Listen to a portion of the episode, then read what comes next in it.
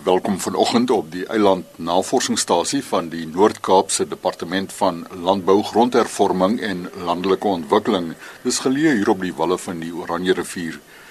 Droogte monitering van veldtoestande en droogtes in hierdie provinsie is deel van die aktiwiteite van hierdie navorsers. Ons gesels daarom met Hannes Gerber, navorsingsbestuurder en weidingkundige Christian Harmse. Anders in die praktyk, wat beteken droogte monitering? Ja, dit is um, 'n um, belangrike deel van die departement van landbou se funksie is om volhoubare landboubestuurspraktyke te kan promoveer.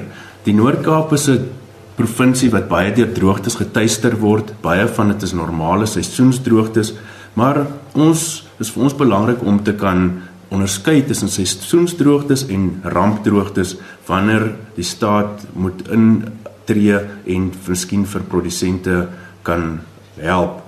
Nou op hierdie stadium is die departement landbou is nie verantwoordelik vir vir ehm um, vir hulp met droogtes of met uh met met rampbestuur nie.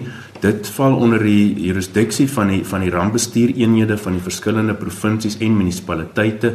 Maar dit is belangrik vir ons om hierdie rampbestuurkomitees by te staan om vir hulle dan te kan kan help om te sê waar sit ons vandag met 'n met 'n rampdroogte gebied en watter gebiede want dit op die einde van die dag moet ons die gebiede kan afbaken of kan karteer en kan sien watter watter areas word ge, word geraak en watter nie. Nou in die Noord-Kaap het ons 'n paar groot uitdagings. Die grootste uitdaging is die groot afstande. Dit is 'n baie groot area. Die Noord-Kaap is amper 'n derde van Suid-Afrika se oppervlakte. Ons het beperkte hulpbronne. Ons het nie weerstasies op 'n uh, die weerstasies is maar ver van mekaar versprei en ons het baie keer het ons maar onvoldoende voorligtingdienste en gebrekkige kommunikasie tussen rolspelers en dan ook baie keer gebrek aan aan plaasrekords of of data. Nou inligting wat ons tans op ons beskikking het is dan nou klimaatsdata, dis temperatuurdata en reënvaldata van die verskillende weerstasies en daarmee kan ons dan spesifieke formules kan ons dan neer 'n neerslagindekse bepaal en byvoorbeeld uh vir die SPE is 'n is 'n indeks wat wyd gebruik word wat ons eintlik dan bereken die reënval van 'n gegeewe weerstasie en dit vergelyk met die langtermyn gemiddelde van daai spesifieke area. En ehm um, dit is 'n statistiese berekening, maar dit is baie dit dit is baie beperk in ons provinsie omdat die weerstasies so ver uitmekaar uit is en dit is baie moeilik om ek te ekstrapoleer. En daarvoor moes ons na ander tegnologieë gaan kyk het om dan nou dit kan ekstrapoleer en te kan sê wat hoe lyk die hele provinsie en dit is waar ons gebruik maak van satellietinligting. Christian, jy is hierby betrokke. Ja, so vir vir ons om te bepaal wat die impak van die droogte is in die Noord-Kaap provinsie, moet ons eers bepaal soos Hannes gesê het, is dit 'n seisonale droogte wat sê minder as 6 maande al aankom, wat eintlik deel is van die boerderypraktyk of is dit 'n langtermyn droogte wat langer as 12 maande kom of ons kan selfs kyk of dit al vir langer as 24 maande kom. So dan is dit 'n rampdroogte waarvan ons praat of ons moet ook kyk of dit 'n mensgemaakte droogte is wat ons kry as gevolg van oorbewyding.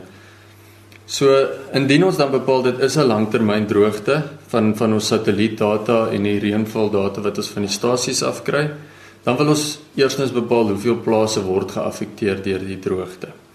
Um ons maak dan gebruik van 'n rekenaarprogram wat dan die plaasgrense vir ons dan sal aandui. Tesame met uh, ons langtermyn satellietdata op die plantegroei kondisies kan ons dan byvoorbeeld bepaal sê dis 200 plase wat geraak word deur hierdie droogte toestande. Daarna sal ek dan kan uitwerk hoeveel hektaar ons van praat oor hierdie 200 ehm um, 200 plase.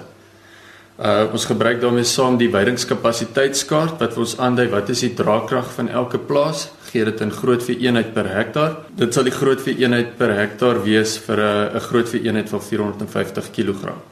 Dit sal dus vir ons 'n antwoord gee met hoeveel groot vir eenhede ons te werk het in in hierdie gedroogte getuisterde area.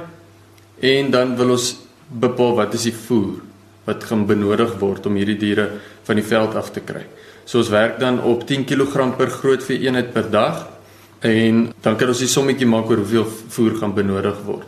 En dit gaan grootliks oor bodembeskerming wat ons wil graag hê die boer met sy vee van die veld af kan verwyder en sy diere te kan voer om dit in 'n beter kondisie te kry sodat ons dit uh, uh en dat dit daarna kan bemark. Wanneer is die inligting wat julle nou versamel het word dit dadelik aan die deur gelê van Agri Noord-Kaap of die departement van landbou in die Noord-Kaap na wie toe gaan die inligting Chris hierdie inligting gaan gaan direk na ons um, LER toe ons het 'n vroeë waarskuwingskomitee in die provinsie wat um, die inligting vir die LER gee dit word ook versprei na die um, georganiseerde landbou toe en ehm um, ook na spesifieke boere wat deelneem aan 'n verwysingsplaas projek wat ons het en wat ons later oor sal gesels.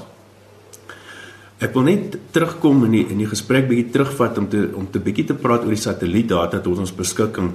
Jy sien die satellietdata weer eens gee vir ons 'n goeie indruk idee van refleksiewaardes van plante groei en die refleksiewaarde van die plante groei baie van ons luisteraars het dalk al gehoor van 'n NDVI En dit gee vir ons 'n idee van hoe groeikragtig plante groei is.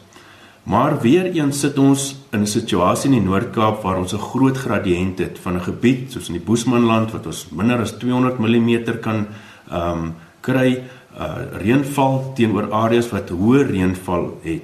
En dit is baie moeilik om tussen hierdie gebiede te kan onderskei ten opsigte watter een is nou droog en watter een is nie droog nie. Soos byvoorbeeld by ons by die Rigtersveld vir 'n gewone mens sal hy altyd droog lyk. Maar ehm um, hy kan ook natter en droër wees. So hoe vergelyk ons?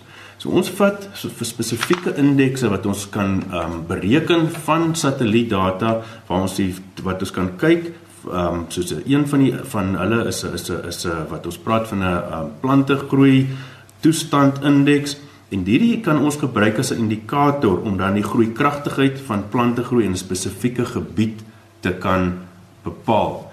Nou ons gebruik hierdie ons sit met so omtrent 20 jaar se satellietdata. Nou wat ons doen is ons vergelyk 'n gebied met onsself. So ons gevat 'n plaas of 'n kamp en ons vergelyk hom met onsself oor 'n 20 jaar periode. En dan kan ons basies sê in 'n spesifieke area hierdie is die droogste wat hierdie kamp was in 20 jaar of hierdie is die beste wat hierdie kamp gelyk het in 20 jaar. So ons vergelyk nie tussen gebiede nie, ons geblyk ge, ons vergelyk 'n gebied met homself en dan kan ons 'n baie goeie prentjie kry van die hele provinsie. As ons al daai gebiede met hulself of elke stukkie met homself vergelyk, dan kom daar 'n mooi prentjie uit wat dan vir ons sê watter watter areas is regtig in 'n in 'n in 'n ramptoestand en watter is nie. Nou die positiewe van hierdie siening, wanneer is 'n droogte na julle as wetenskaplikes se mening gebreek. Chris, dit is ook moeilik want dit hang van area tot area af. Dit hang af hoe die reënval kom, wanneer die reënval kom en dit dit monitor ons baie. Ons kry baie keer kan ons reën kry wat in 'n groot donderstorm kom en baie van dit spoel weg in riviere af of ons kan baie 2, 3 dae lekker sagte reënval kry wat baie meer effektief is en minder wegvloei. Maar dan gaan dit ook van wanneer die reën val. Ons produsente sal weet baie keer daar is maar gebiede waar jy wil in 'n sekere tyd wil jy reën kry wat jou plant tot die beste kan benut. As ons te laat reën kry en die reën kom byvoorbeeld in die in die in die rypgetuisterde gebiede kom die reën te laat, is jou groei seisoen net te kort en dan vat dit langer om 'n om 'n droogte te breek as as in 'n gebied waar ons op die regte tyd in die lente of in die vroeë somer reën kry. So dit is eintlik maar 'n moeilike ding om te bepaal, maar ons kyk maar na die plante groei, die herstel van die plante groei. Ons wil nie die jong die jong plante groei ehm um, uh, wat nou net uh ehm um, gebot het. Ons wil nie hê dan die boer moet dan sommer dadelik vee in die in die kamp insit nie. So laat die plante groei eers gevestig het dan kan ons kyk en en soos ek sê dan dan bepaal mens dan op watter stadium ons dink die droogte is nou is nou iets van die verlede. Maar hy het maar ekonomies 'n lang effek want jy kan sien dink die droogte wat ons tans beleef hier in die in die Handam gebied van ons provinsie boere het hulle kuddes geweldig moes verminder die vee is in baie swak kondisie boere moes lank voer so die um, rekeninge is onder druk by die koöperasies en by die banke So om uit hierdie droogte situasie te kom is is 'n is 'n is 'n proses. Jy moet weer jou kudde opbou, jy moet weer jou kapitaal kragtigheid ehm um, reg kry. So dit is dit is nie maklik nie. Droogte is maar verwoestend op op verrampdroogte is maar verwoestend op gemeenskappe. En so gesels twee navorsers van die Noord-Kaapse Departement van Landbou, Grondhervorming en Landelike Ontwikkeling op die Eiland Navorsingsstasie Appington, navorsingsbestuurder Hannes Gerber en weidingkundige Christian Harmse. Die telefoonnommer van die Appington Navorsingsstasie is 087 630 0303. 0876300303. Ons groet, geniet die naweek.